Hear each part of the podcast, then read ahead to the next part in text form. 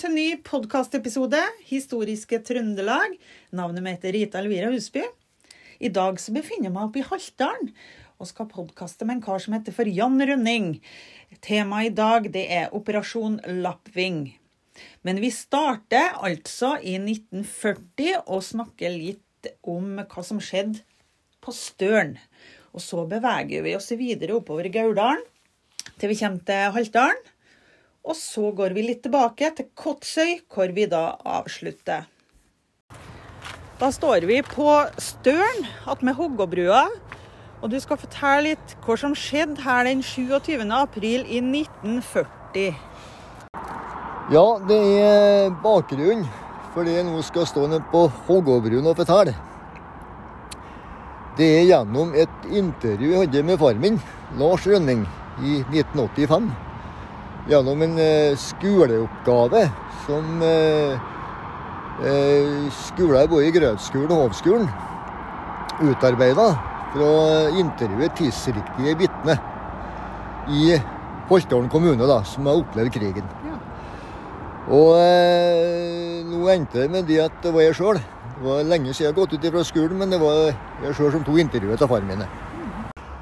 Og så Far min han begynte å snakke om en stor opplevelse han fikk om kvelden 8. april 1940 i Fram forsamlingshus i Haltdalen. Det forsamlingshuset det lå som nærmeste nabo til Grøt skole, det som nå er erstatta av Haltdalen oppvekstsenter. Det var slik at Lilleborg såpefabrikk hadde en demonstrasjon av såpe i Fram den kvelden. Og at ungene ble levert ut papirfly av blått papir. Neste morgen så var luftrommet over bygda fullt av svarte tyske fly. Og som man sier, jeg kan huske de gikk i, pulja, og i ett av pul, pul, puljene det talte jeg da 36 fly. Eh, I tidsrommet før den tyske okkupasjonsmaktas tropper kom oppover Gauldalen og inntok bygdene, så kom det flere ganger tyske fly gjennom dalen. Og disse flyene skapte redsel blant befolkninga. Og de hadde en tendens til å åpne ild med sine maskingevær ned mot bebyggelser. Ved minst ett tilfelle ble også et menneske drept av den skyting. Da den tyske okkupasjonsmaktas tropper inntok Aurdalen, fikk mobiliserte haltdalinger nærkontakt med dem ved Hågå bru på Støren, der vi nå står. Ja. Men det var i Svolja mellom Haltdalen og Ålen det skulle bygges opp en hovedmobilisering for å stoppe den tyske okkupasjonsmaktas fremrykking gjennom Gauldalen. Men eh, det er jo tidsriktige vitner nede på Støren som kunne fortelle om det at det har vært et blodbad nedpå her. Da når Tyskland kom hit, da, 27. april 1940. For Det var jo meningen at de skulle prøve å stoppe dem her, da, men det klarte de selvfølgelig ikke. Og eh, det er vel kanskje mange som mener det at Jeg uttaler seg om det at, eh, at forsvaret vårt skulle gjort slik og slik. Men eh, i 1940, da når de kom hit til landet Men det er klart det at Norge stopper verdens sterkeste krigsmakt Og eh, Hitler ville bli verdenshersker. Det kunne ikke være enkelt. Det blir vel det vi kan kalle for absurd.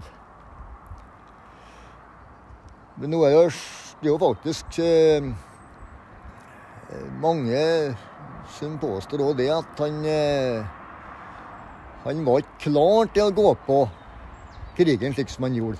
For han hadde ikke bygd ut hæren sin godt nok. Og det er faktisk talt en general i Norge som uttalte seg for en, ja, det er snart 20 år siden. Og det var at å bygge opp et lands hærstyrke tar 15 år. Men det er klart en Hitler han bygde opp og tapte han innen 15 år. Så da kan jo stille spørsmålstegn om kanskje kroppen var for rastløs i å begynne på sitt verdensherredømme. Slik som det står til eh, offisielle dokument, så eh, kom vel freden, hvis en skal kalle det det, Ja. når, det var, når, det, når kamphandlingene ble nedlagt her i Gauldalen. da. Og eh, kapitulasjonserklæringa den ble underskrevet mellom eh, norske overkommandoen og den tyske overkommandoen i Trondheim 14.6.1940. Mener jeg har hørt dem. Jeg tror jeg leser dem nå. Eh, og etter den datoen da, så kan en si at den åpne krigen stil- stilner jo her i Gauldalen. Og da eh, gikk jo dagliglivet hvis jeg skal si sin vante gang, da, for å sette det veldig på spissen da. Tross strenge restriksjoner fra okkupantens side som ble innarbeida etter hvert. Det endte opp med grenseboerbevis, husundersøkelser, blendingsgardiner foran vinduer og rasjoneringskort. Eh, storparten av befolkninga ble i grunnen jakttagere. Det hva den tyske okkupasjonsmakta foretok seg i Gauldalen. Særlig på Støren og Røros, som da var to tettsted i Gauldala. Eh, Men hos de innbyggerne som da ble med i hemmelig motstandsarbeid, som etterretning og flyktningtrafikk gjennom Gauldalen, til Haltdalen, Øngreina eller Åren Og eh, flyktningruta gikk over til Tydalen og Friheten i Sverige gjennom hemmelige organisasjoner. Og det var en virksomhet som var svært farlig. Og eh, det, kan si, det offisielle dagliglivet for den eh, gjengen, det ble jo et skalkeskjul. Men eh, det er jo klart at det ble Folk ble jo ikke, kan du si, i fem år sittende på noen taburetter. Det ble jo eh, organisert en del tyskerarbeid. Og da er jo spørsmålet skulle da skulle da sivilbefolkningen sitte på hver sin stol og vente på freden? Det gikk jo ikke an. Og noen terper tenker på det dårlige arbeidsmarkedet som var på 1930-tallet. Så var det ikke rart at når eh, tyskerne kom lokalt der i Gauldalen og satte i gang forskjellig arbeid, at da folk ble med på det. Det kan ikke si er så rart, altså. Nei. Nei. Det er jo også en eh, logisk sak, da. At i eh, løpet av krigen så ble det jo da stasjonert eh, tyske leirene på Stølen, i og med at Stølen var et knutepunkt. Både for rv. 30 og for veien over Dovre og for Arosbanen og for Dovrebanen. Så det ble et veldig viktig knutepunkt det for, for tyske okkupasjonsmakta. Her var det både vanlig Wehrmacht og Gestapo og, og litt av hvert inne i bildet, tror jeg. Som da Støråsbyggene ble jakttagere til. da. Og eh, gjennom husundersøkelser slik oppover dalene, oppover til Haltdalen osv., så, videre, så fikk nok mange av sivilbefolkningen og føling med at særlig selv når Gestapo kom oppover dalen og, og, og leda de der husundersøkelsene. Og da som formen sa at de kom fra staden. Ja. Men ikke sant, det var en logisk sak i og med at det var tettstedet Stølen det ble, det ble etablert på. Eh, Nå står vi jo med den minnebautaen som er reist ned på Bogen. Det minner om trefningen 3. mai 1940. Og eh, hvis den dreg en rød tråd herifra og ned til Hågå bru nede på Staren, Ja. så smalt det der 27. april 1940. Ja. Og det vil si at eh, den tyske okkupasjonsmakta den brukte sånn ca. ei uke dem, fra nede på Hågå bru hit Ja. til bautaen på, på Bogen. Eller hit til Bogen, da. ja. Det var jo ikke bauta den gangen. Nei. Det kom etterpå, den. Eh, Den trefningen nedpå her, nede på Bogen, 3. mai 1940, den var faktisk planlagt opp i Folkets hus i Haltdalen. For det var der eh, de norske styrkene eh, treftes. De skulle planlegge ikke som var tenkt å møte felttoget åt okkupasjonsmakta. Og da var det jo Svolja mellom Åren og Haltdalen som var hovedmobiliseringa. ja. Det, det var oppi der i verste fall hovedslaget skulle skje, da. Eller kunne skje. Mm. Men så eh, bestemte de seg for at de ville heller møte dem nedpå her. Om det var for å trøtte ut okkupasjonsmakta, vet jeg ikke. Men eh, de ville ikke slippe dem helt oppi der med en gang. Og eh, 3. mai 1940, da smeller det. Eh, nå er det en eh, Det var en Malum som tok en eh, et intervju av tidsriktige vitner på her. Det tror jeg var 1985. Jaha. Og det er da eh, Han, han filma det, så det er på DVD, om slaget ved Kotsøy. Ja. Og Der er tidsriktige vitner uttaler seg veldig bra og detaljert om det som skjedde.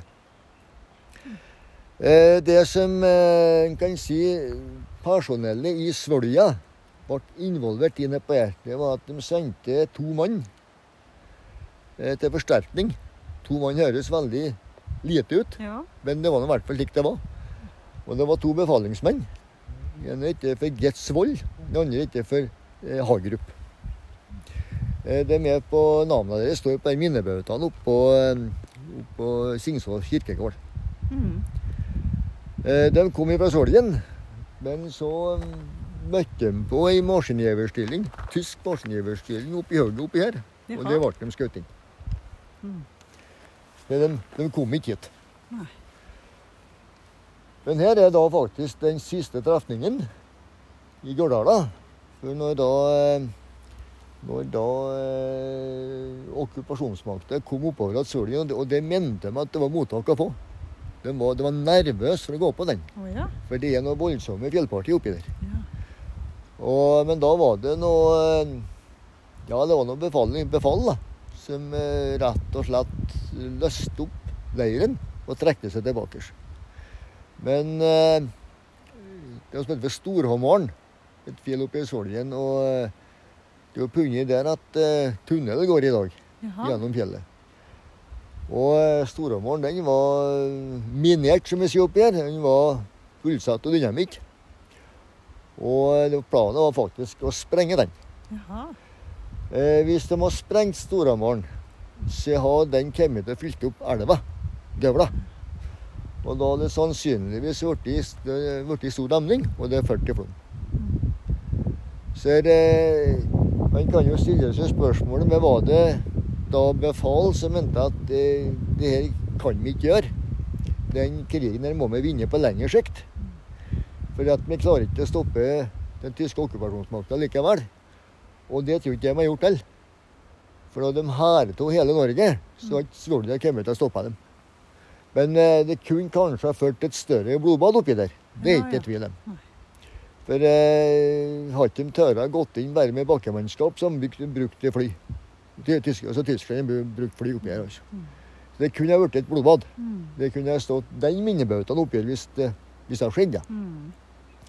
Det er i hvert fall sånn du kan se det i etterkant. Ja. Det, det som vi ser på her nå der rundt oss, det har jo en gård oppi til, til venstre for oss. Ja. Nå står vi faktisk og ser på den med frem. Ja. Eh, den ble skutt inn i brann under trefningen her. Å ja. Og eh, det heter seg det at når det small Det lå jo noen soldater oppå hylla her Jaha. med noen maskingjever og skjøt på okkupantene som kom. Ja. Men om det er gjenklangen mellom dala her eh, som gjør det, det vet jeg ikke. Men det, det, okkupantene mente at det var at smellinga kom ifra på den gården. Ja vel. Og derfor så satte de visstnok opp en liten kanon nedpå her, som, som skjøt oppi oh. på tonen. Men det går veldig godt frem på den, den filmen som ble eh, tatt her, altså. Ja. Er den tilgjengelig Ja. for uh, Ja, det, det, det, er den. ja. Hva heter gården oppi her nå, da? det er gården hus. Hus. Ja. Mm. Og den, eh, den boka som jeg vil anbefale å låse når det gjelder eh, 1940, det er ei bok som ble skrevet av ungdomsskoleklasse på, på Singsås, som heter For unn krigen. Jaha. For der er det tidsriktige vitner Ja. som, som uttaler ganske nøyaktig om hva det var som skjedde. Viktig dokumentasjon. Ja, den er viktig dokumentasjon. Ja. I oktober 1943 så ble fire norske sabotører fra Kompani Linge sluppet ned over Haltdalsfjella med det primære oppdrag å sprenge Rørosbanen for å hindre tyske troppstransporter til østfronten. Dette er da operasjon Lappving. I dag er jeg på Lappvingmuseet i Haltdalen. Og har med meg eh, Jan Rønning, som skal vise meg rundt litt i dette museet og fortelle litt om Operasjon Lapping. Du snakka så vidt om bakgrunnen for operasjonen i stad, før vi starta her. Ja. Du kan jo kanskje si litt om bakgrunnen, nå? ja, vi skal gjøre det ganske enkelt. Vi lager et veldig grovt sammendrag. Eh, som teksten sier, bakgrunnen for Operasjon Lapping. Og jeg leste, siterer det som står her. Ja. Fra 1939 braket de vestlige stormaktene Storbritannia og Frankrike sammen med et remilitarisert og selvbevisst Tyskland. Den utløsende faktor var Tysklands invasjon av Pol samme år. Selv om mange forhold var medvirkende til utbruddet av krigen, så som de strenge bestingelsene i Versailles-freden. I løpet av krigen ble stadig flere land involvert, og krigshandlingene nådde Norge 9.4.1940. ja. Det er det som er årsaken. Og i 1940 så var da den gjengen som ble med i Operasjon Lapping, de ble med da i det skulle stå imot det felttoget som den tyske okkupasjonsmakta starta på. Eh, norske styrker kapitulerte vel da 14.6.1940. Og eh, de trekker seg tilbake, eh, de som da senere ble medlemmer i Lapping, og blir med litt i motstandsarbeid på forskjellige plasser i landet. Eh, det blir varmt rundt dem. De føler at de, at de eh, begynner å bli oppdaga. De går da rett og slett over til, England, til, til Sverige som flyktninger. Og blir med da i eh, opptrening av, av sabotører i Sverige, som var nøytralt. ja. Og så blir de godtatt, de flinke folk. Og så blir de videresendt til England, Skottland, Ja. og får en videre opptrening derifra. Så kommer de tilbake hit som da godt trente sabotører. Hvor lenge var de i Skottland på opptrening, da? Du kan si det var ifra eh, ja, kanskje en par måneder. Ja. Det at den ifra de starta i, i Sverige til de kom til England. ja. Da var det Men, intensiv eh, trening. Ja, det var fordi at eh, jeg tror myndighetene så det slik at enten så var du god nok, enten så var du ikke god nok. Ja. For det var jo, det var jo Så ble sila ut, rett og slett, ja, som ikke var var, bra og, og, og den utsilinga, det, det var ikke noe småtteri, altså. Nei. For det var veldig nøye utsiling. Ja. Eh, du kan si at eh, det utsilinga f.eks. som kommer frem i dagens Norge med spesialstyrkene osv., hvilke personer de vil ha Samme teknikk ble også brukt den gangen der. Ja. Var det personer som passa sammen? Passa de ikke sammen? Det, de, de ble utsila. Og eh, var det f.eks. folk som passa sammen De bød ikke kjenne hverandre, men de så at det passa sammen under kurset. Da kunne de bli sendt hjem til Norge i samme sabotørgruppe. Så det var Så det som skjedde med de firene som ble sluppet nedover Ja. De, de kjente hverandre ikke så mye før krigen, men under kurset så ble de godt kjent. Ja. Og da så lederne ja, på, på, på de kursene at her er det folk som passer sammen. Du kan jo fortelle hvem de firene var, du. Ja, da skal vi bevege oss bortpå en eh, billedserie her. Og eh, vi starter da til venstre, øverst. Der var en løytnant, han er sjef, Reidar Kvål, fra Stjørdal. Eh, grunnen til at han kom oppover her til slutt, det var ble sjef for sabotørgjengen. Operasjon Lapping, det var at mora kom fra Arn. Oh, ja. Så karen var godt kjent i distriktet. Både nede i bygdene man sier, oppe i fjella. Den som ikke var kjent i oppgjør, men som ble med en kår, det var da NK-en, løytnant Sigurd Haugen fra Narvik. Så vi har en løytnant Inge Fosseidre fra Stjørdal. En sambygning av en kår, da. Og så har vi sersjanten telegrafist Rolf Arnesen fra Sarpsborg. Det er de fire som da utgjør operasjonen Lapping til å starte med. ja. Og så viste det seg jo det, da. Vi må jo ta et lite sammendrag nå, ta det litt grovt. Ja. At eh, arbeidet ble veldig omfattende. Eh, I og med at det ikke var bare sabotasjeplanlegging som de ble, eh, måtte bli med på, og ble med på. Men det var da òg eh, lagring av, av våpen og utstyr som eventuelt skulle brukes i Norge hvis det ble kamphandlinger her mot slutten av krigen. Eh, Så når de kom hit i 1943, så eh, var det ikke snakk om hvordan det kunne bli. Men Norge var et viktig land for den tyske okkupasjonsmakta. Og kanskje var det her slaget måtte, måtte skje. Og så dreier dreide de vel en del opptrening på Ja, det, det ble jo i, i 1944, da. Så, eh, for nå fikk jo en Kvål opplysninger om det, for den reiste fra England. Ja. At når du kommer til, eh, til Rørosvidda, Gaurdalsvidda, så må du regne med at mens du er oppe der, at du skal få videre ordre og være leder for opptreninga av Milorg. Men det var, det var ikke fast bestemt. Men han hadde, for at det ville ikke de allierte myndigheter fortelle. Nei, Men at han måtte ha det i hodet sitt at her kan det bli snakk om at du skal bli leder. ja. Og altså, det, det er jo det som er litt interessant når det gjelder det med krigsforberedelser. At de som blir med på det der, de, de vet ikke helt hvordan det blir. Og det er den egenskapen de må ha som sabotører. De vet ikke helt hvordan det blir, men at dere må kanskje gjøre det og det og det. Det er så målet altså, over, Den norske overkommandoen i England de satt med klare mål. Ja. Men det ville de ikke, det ville de ikke fortelle til de sabotørene som reiste. Men de var godt forberedt da på Ja, hva altså, som for eksempel, eventuelt kunne komme? ja, så vet jeg, hvis de sabotørene hvis de visste for mye dem, og ble tatt, så kan de komme til å røpe ting. Ja, ja. Ja. Så er det, det, altså det motstands... De, de som sendte hit til Norge, de hadde hele tida de tankene at hvis de blir tatt, så vil de røpe våre planer. Derfor så fikk de, fikk de vite akkurat det høyst nødvendige måtte vite. Og eh, som sagt, så i, i eh, eh, sommeren 1944, høsten 1944, så er det høsten 1944, senhøsten 1944, da, da begynner jeg med trening av Milorg.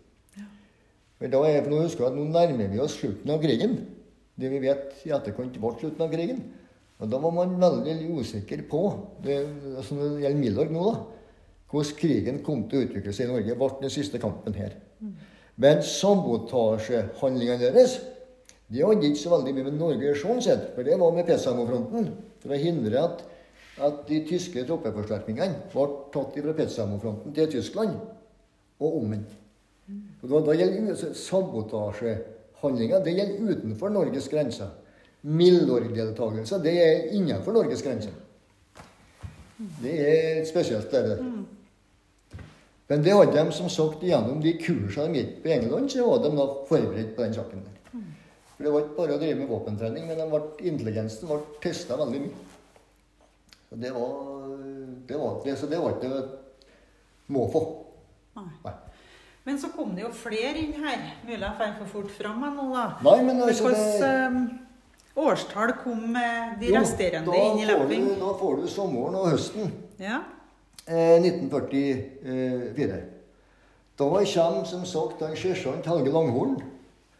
Jarne Sagløken. De er jo begge to fra Elverum. Og så til slutt så kommer faktisk Odd Husby fra Trondheim. Så har vi to karer her. Det er han Fenrik Nils Len Hansen fra Trondheim og han Knut Brodtkopp Danielsen fra Trondheim. De tilhørte i utgangspunktet ikke Lapping, men de kom hit da for å organisere Milorg. Eh, altså, Kvål er ikke første som begynner med organiseringa. Det er det da de, de to karene der, som blir styrt fra, fra da, hvert fall minst én fra Trondheim, som nå holdt til i Sverige. Og så kommer de over og skal organisere Milorg. Det gjør de da med å plukke ut eh, en mann her i Haltdalen. Det var da sogneprest Amund Nøkleby Bensen. Han var kjent av, eh, av eh, motstandsbevegelsen fra, helt fra 1941. Da han ble kontaktet av en organisasjon i Oslo om ikke han kunne begynne å, å, å se litt på forholdet her i, her i sitt prestgjeld og drive med agitasjon mot, mot tyskerne. Og den eh, andre personen her i, som i kommunen Holtdalen i dag, da, det var Ludvig Larsen. Han var ingeniør på Killinghall gruver. Han skulle da eh, planlegge sabotasjehandlinger mot jernbanen ved bruk av gruvefolk. Han var som sagt på Killinghall gruver. Men så blir den planleggingen den blir lagt på is. Men da visste jo de allierte av en Bensen. De hadde den allerede. Og så kommer da Knut Brodtkopp Danielsen og Nils Julien Hansen og kontakter en band som han kan bli, bli Milorg-leder. Men da er også en, en Bensen medlem i en annen gruppe, såkalt XU. Det var, det var en motstandsbevegelse i norsk sammenheng. Og eh, som en Kvål sier at han, han ville helst ikke ha personell som var medlemmer i to motstandsgrupper. Men det gikk ikke an å gjøre noe med det, for når Knut Brodtkopp Danielsen kommer fra Sverige og hit omsider etter Haltdalen og spør presten om han vil ta på seg oppdraget som lokal miljøleder, så kunne jeg ikke Bensen si at jeg er medlem i andre motstandsgrupper. Det er ikke lov til. For det var topphemmelig. Dermed så, var, måtte- så sa han ja. Dermed så ble han medlem i to grupper. Ja, ja, ja. Det er den praktiske sida der. Altså. Vans- Vanskelighetene. Men han Julin Hansen, ble ikke han medlem i Lapping? Etter? Han ble eh, medlem eh, Du kan si at eh, i og med at Lapping hadde mannskapsproblem, så kom en Nils Ulin Hansen og ble med til slutt. Ja, ok. Mm. Mens Knut Bråtkopp Danielsen han fikk jo en, drev jo som kurer. Og han hadde vel grunnen hele Sør-Trøndelag som nedslagsfelt. Så han pendla herifra bl.a. ut på Løkken. Ble litt innom Tamsand. Og han, eh, ja, han pendla mye mellom f.eks. Orkdalen. Ja. Han var det på Høllånda en del, Ja, ja, ja, så han, Norge. eh, han var eh, Det var en veldig farlig affære, men sånn ble han i hvert fall. Så han var jo, han drev med etterretning de luxe. Og ble som sagt han opererte som kurer, kurer da. Mm. Og den som jeg nevnte før, altså, så han, den siste medlemmet av gruppa, det ble Birger Nyskjøtvold. Ja. Men han var verken utdanna sabotør eh, eller noe som helst, men han var en, eh, han var en kar å stole på. Kvikk i hodet, som en Reidar Kvår sa sjøl. Og derfor så ble han da så, De mente de skulle få en liksom akt, sånn aktingsoldat. Men det, det fikk de ikke svar på fra England. Men en Kvål han tok den inn som medlem i gruppa likevel. Så eh, de hadde to spesielt aktive eh, kontaktpersoner der i Haltdalen. Den ene nevnegreina det er da Birger Nysetvold, og så har du en Olaf Grønseth ute i Gårdegreina nede i Haltdalen. ja. Eh, han ble bl.a. en god kontaktperson for dem i forbindelse med Rypheim, som da ble hovedbasen. I det Bringen-området, eller Langenvatnet, ligger den hytta. Men den var som sagt nedbrent etterjordsvinteren 1945. Så en, eh, og Olaf Grønseth han er vel i, faktisk eh, den eneste av sabotørene, utenom de treene som ble skutt, så var den eneste som hadde kontakt med dem som ble tatt og torturert før freden. Det slapp heldigvis han Birger Nysetvold Ja. unna, da.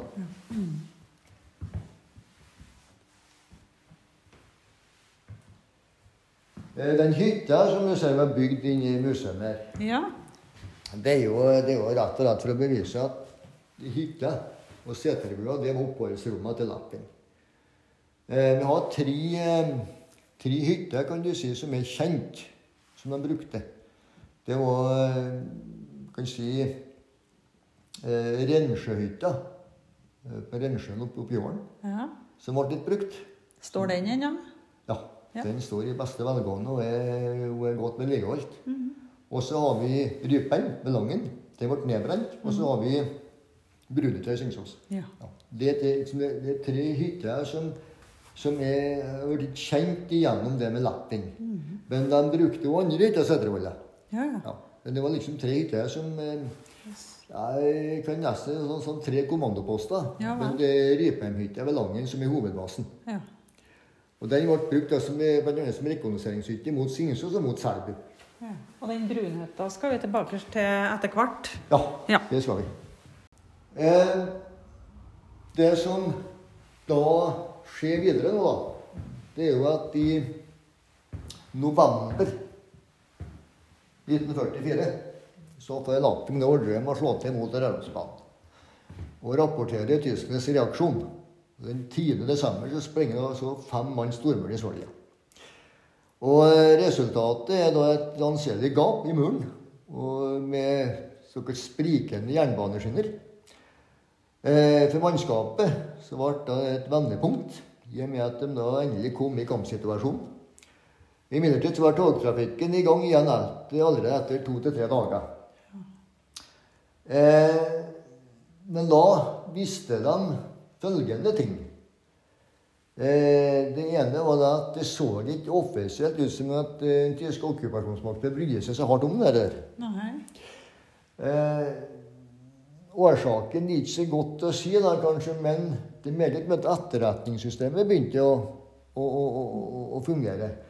Men eh, nå må vi klare over det at det er altså 1. November, altså november 1944.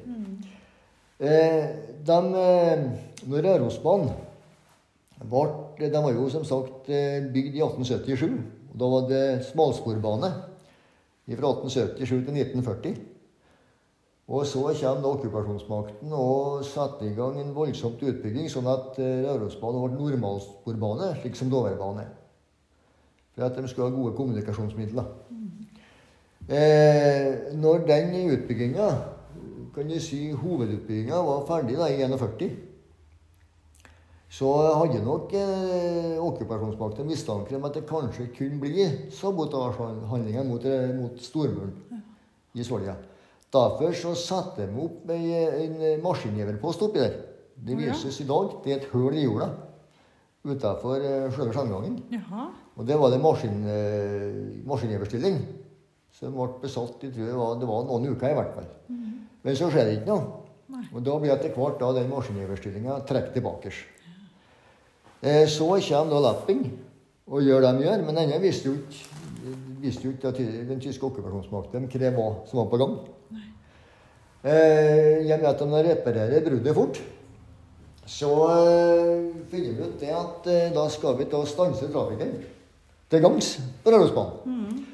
Og eh, en lengre periode, da. Og da beslutta Lapping sammen med England å gjennomføre masseødeleggelse av jernbaneskinner på strekningen Hulta bru til Steinkjer stasjon.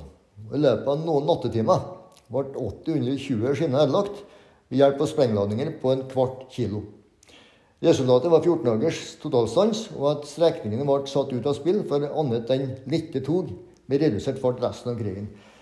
Og eh, sannheten er vel det at lokførerne nekta å kjøre den eh, strekningen der. Oh, ja. Det ble for usikkert Ja. at, eh, at, kjøre tog, da.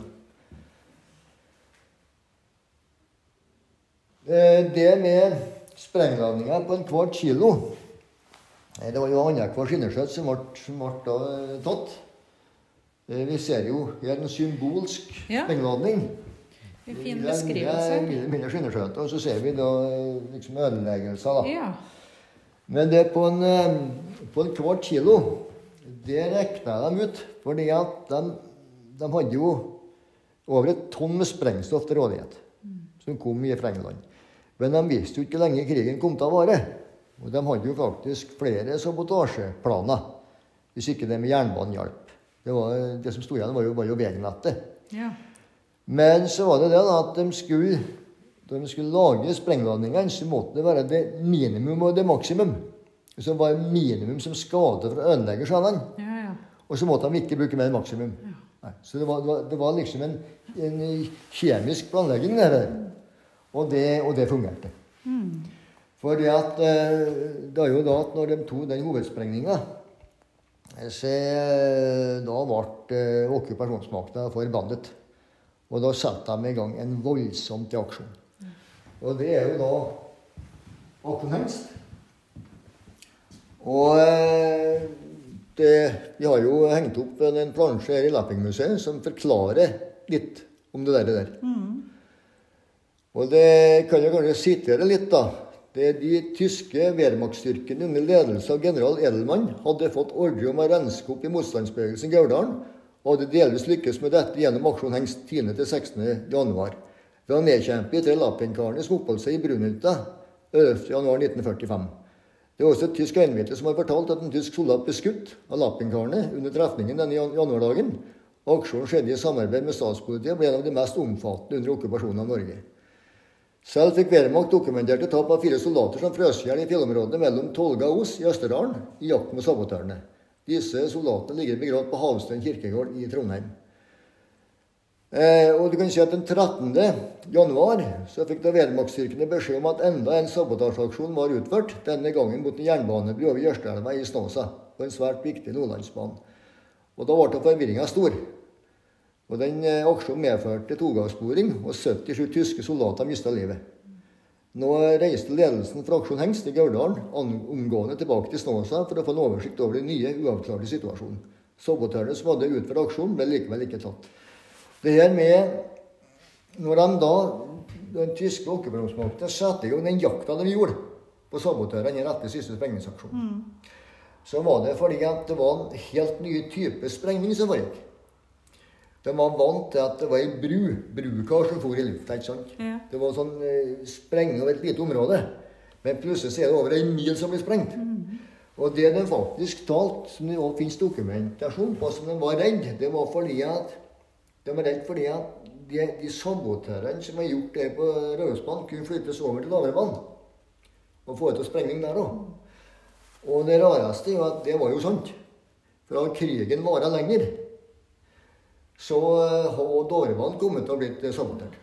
På noenlunde samme måte som Røros.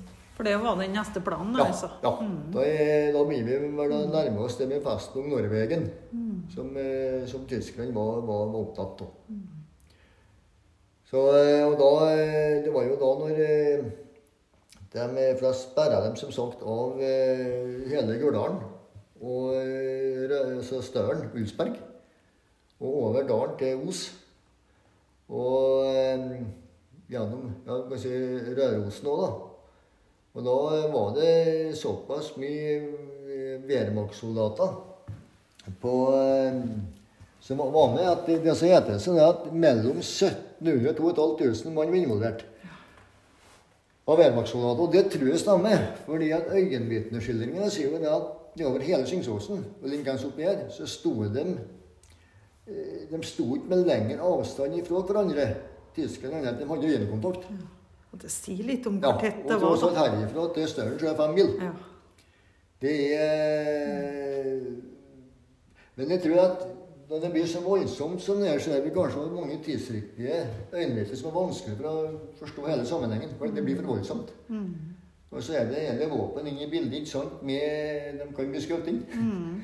Så kanskje det er litt av årsaken. Ja.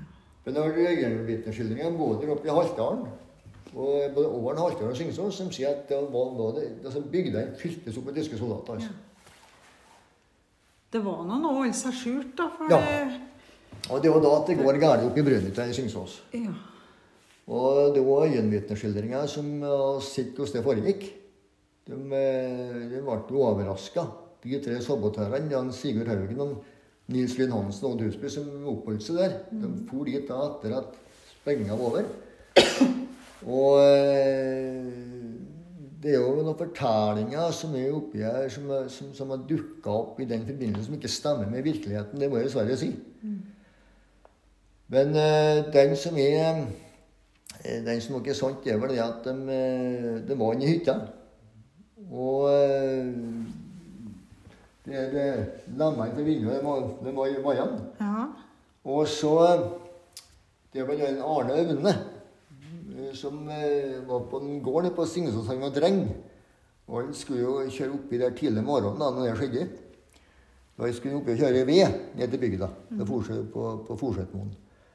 Og da så han at det var noe at det dirra som et røyk over, over murpipa her. Aha. Det var sånn røykdis. Og eh, da han fant på veien og skulle ned igjen vedlasset det var, det var to andre Singsåsbyggere som var på tur oppi etter veien. Da ble de stoppa av, av tyskerne. Ja. Så da var, da, var, da var, det i gang, altså. Ja. Men hadde tyskerne en mistanke om at de oppholdt seg? Slik som øyenvitnene sier, så, så ser det ikke ut som at de visste nøyaktig at det var, at det var. At det var noe som foregikk oppe i Forsøkholdene. Ja, vel. Det er øyenvitneskildringene. Ja. Og da ble de likvidert med en gang, de tre her? Ja, altså det er De ble vel omringa. Mm. Og eh, nå hadde jo en Hitler før det skjedde, så han Hitler varsla om at de grønne menn var sabotører. De eh, som i Norge, blant annet, de skulle ikke beskyttes, de skulle skytes. Mm. Når, de, når, de, når de var martret. Mm. For de hadde en liten til overs der. De holdt på å hindre oss i oss fremgang. Mm. Så eh, Og det er så det som forundrer meg litt, det, altså det, som er, det, som er, sagt om det nå, da, at Det er beskrevet det at det var en av dem som da kom på ski. Det var på Forsøkmoen og undersøke hva som foregikk. og så, så ble vi tatt i tysk patrulje og viste fram bevis, og så gikk han tilbake til hytta. Jaha. Og så, eh, når han sto og skulle ha av seg skien, da eh, Da er jo liksom tyskerne forfulgt ham, for dette opp til hytta. Men når han skal ha av seg skien, så ser han liksom han ser imellom sine egne føtter, så ser han at det rører seg noe i skogkanten. Og så hiver han seg under og begynner å skyte. Det stemmer ikke. Å nei. Nei. Fordi at han, han, var, han var soldat. Han var sabotør. Ja. Og det er klart at når han hadde hytteveggen å forholde seg til, så sto han der og skjøt rundt seg en pistol. Da ville han gå, gå inn til hytteveggen og varsle at nå har vi Ja, fremmede på besøk. ja.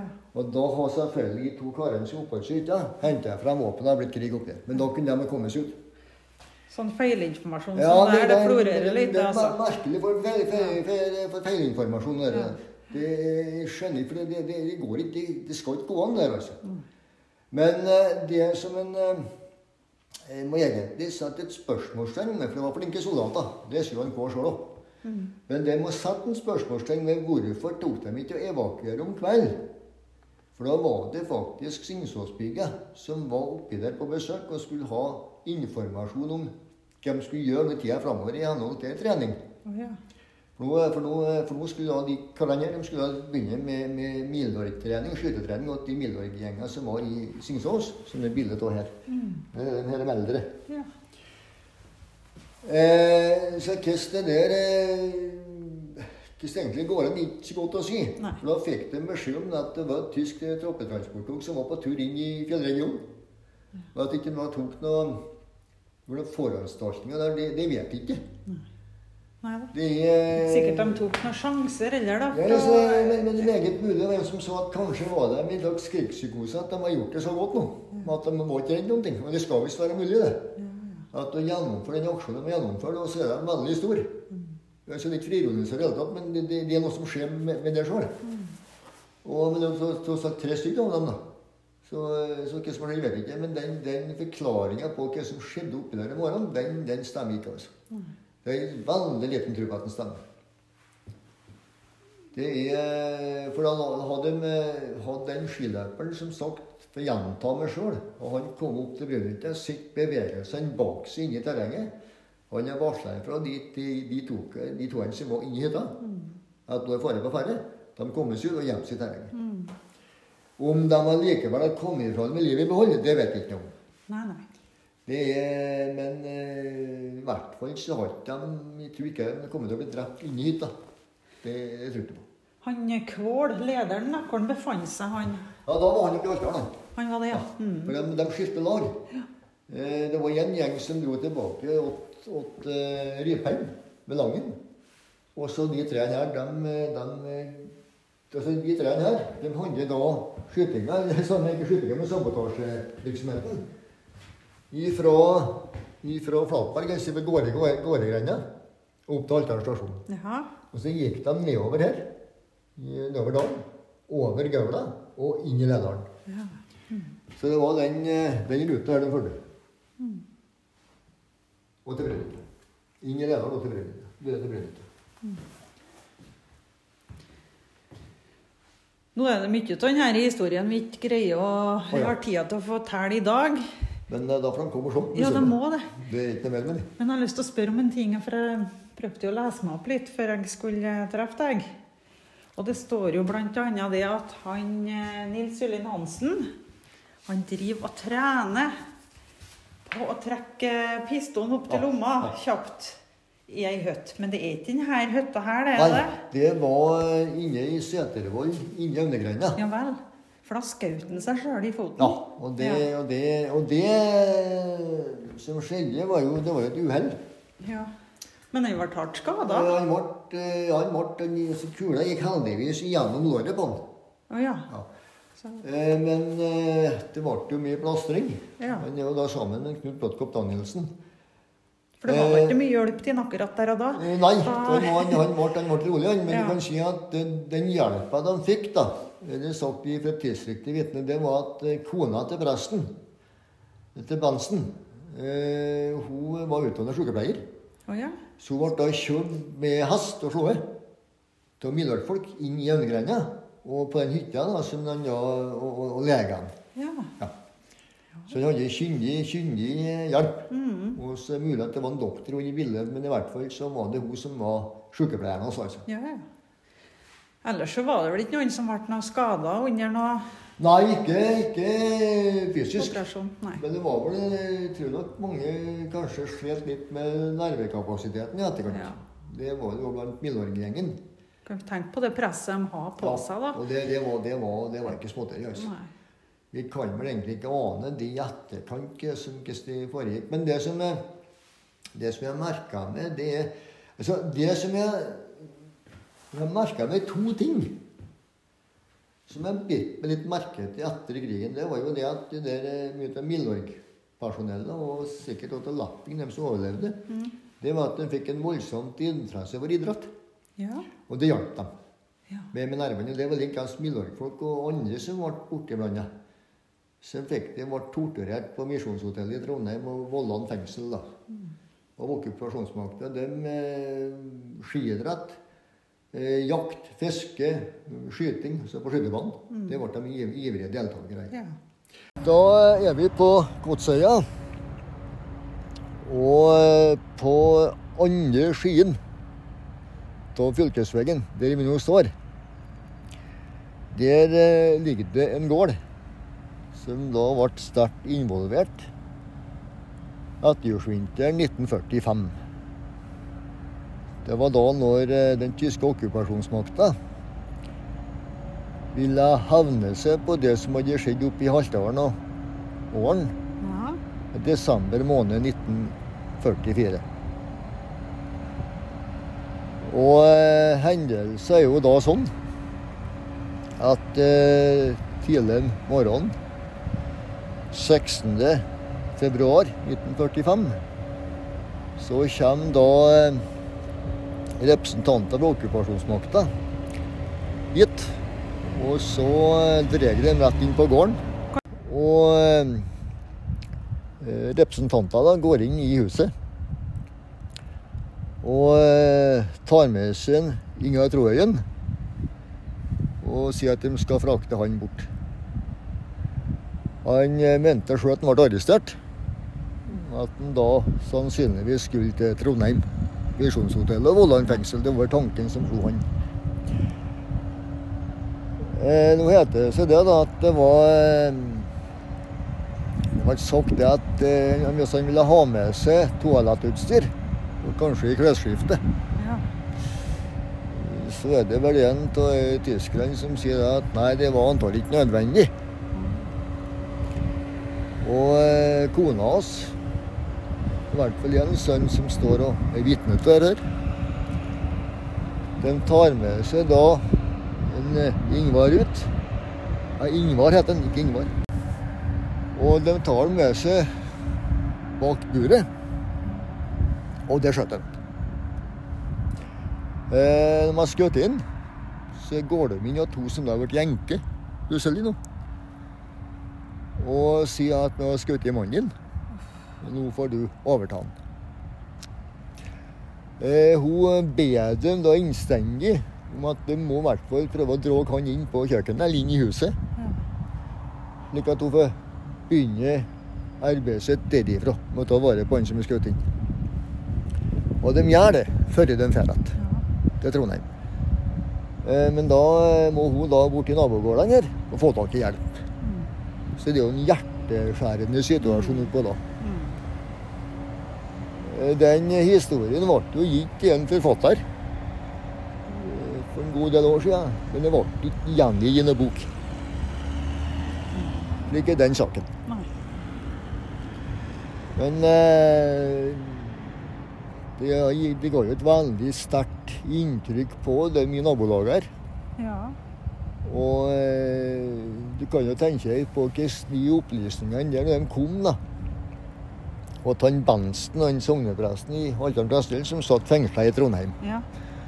Når han da fikk vite at en av oss folk ned her Han var jo, han var jo Milorg-leder. Mm. En av oss folk ned da var skutt. Pluss at det ble da skutt jo en oppe i Budala. En som het for Ole Kvernrud. Ja.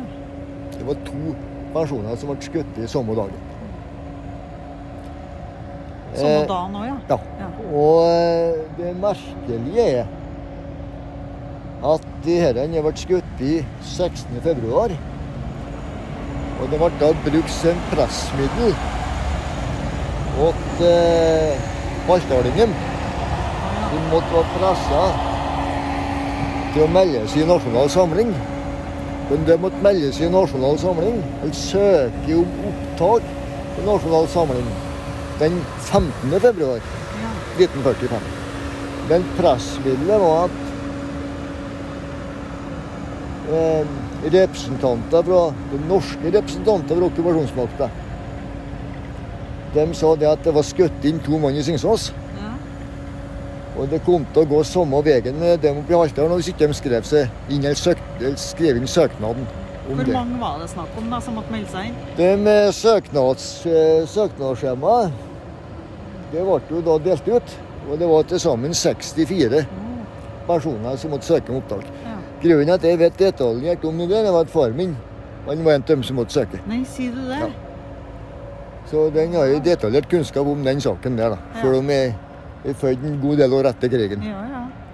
Men det var altså drapet på Nole Kvernel, terrordrapet på Nole Kvernrud og Ingvar Troelund som gjorde at haltdalingene da måtte søke om opptak. ja. Men det fikk vel ikke noen konsekvenser for dem under rettsoppgjøret? og... Eh, det som skjedde, var at de haltdalingene Men nå var det også Singsåsbygget og Ålbygget som måtte søke om opptak. Oh, ja. Men eh, grunnet det at det var tvang, Ja. Så slapp de noe rettsoppgjør. ja. For, for, for de var tvinga.